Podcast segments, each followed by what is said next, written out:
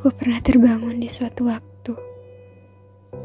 Matahari merah, bulat sempurna, mengingatkanku pada bola mata kekasih.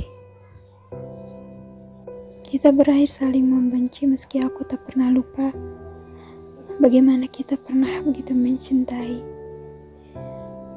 Mungkin waktu itu kita belum tahu atau sudah tapi kita yang tak mau sampai dianugerahkan pada kita sebuah pengetahuan tentang baik, benar, tentang masa depan, dan kemustahilan.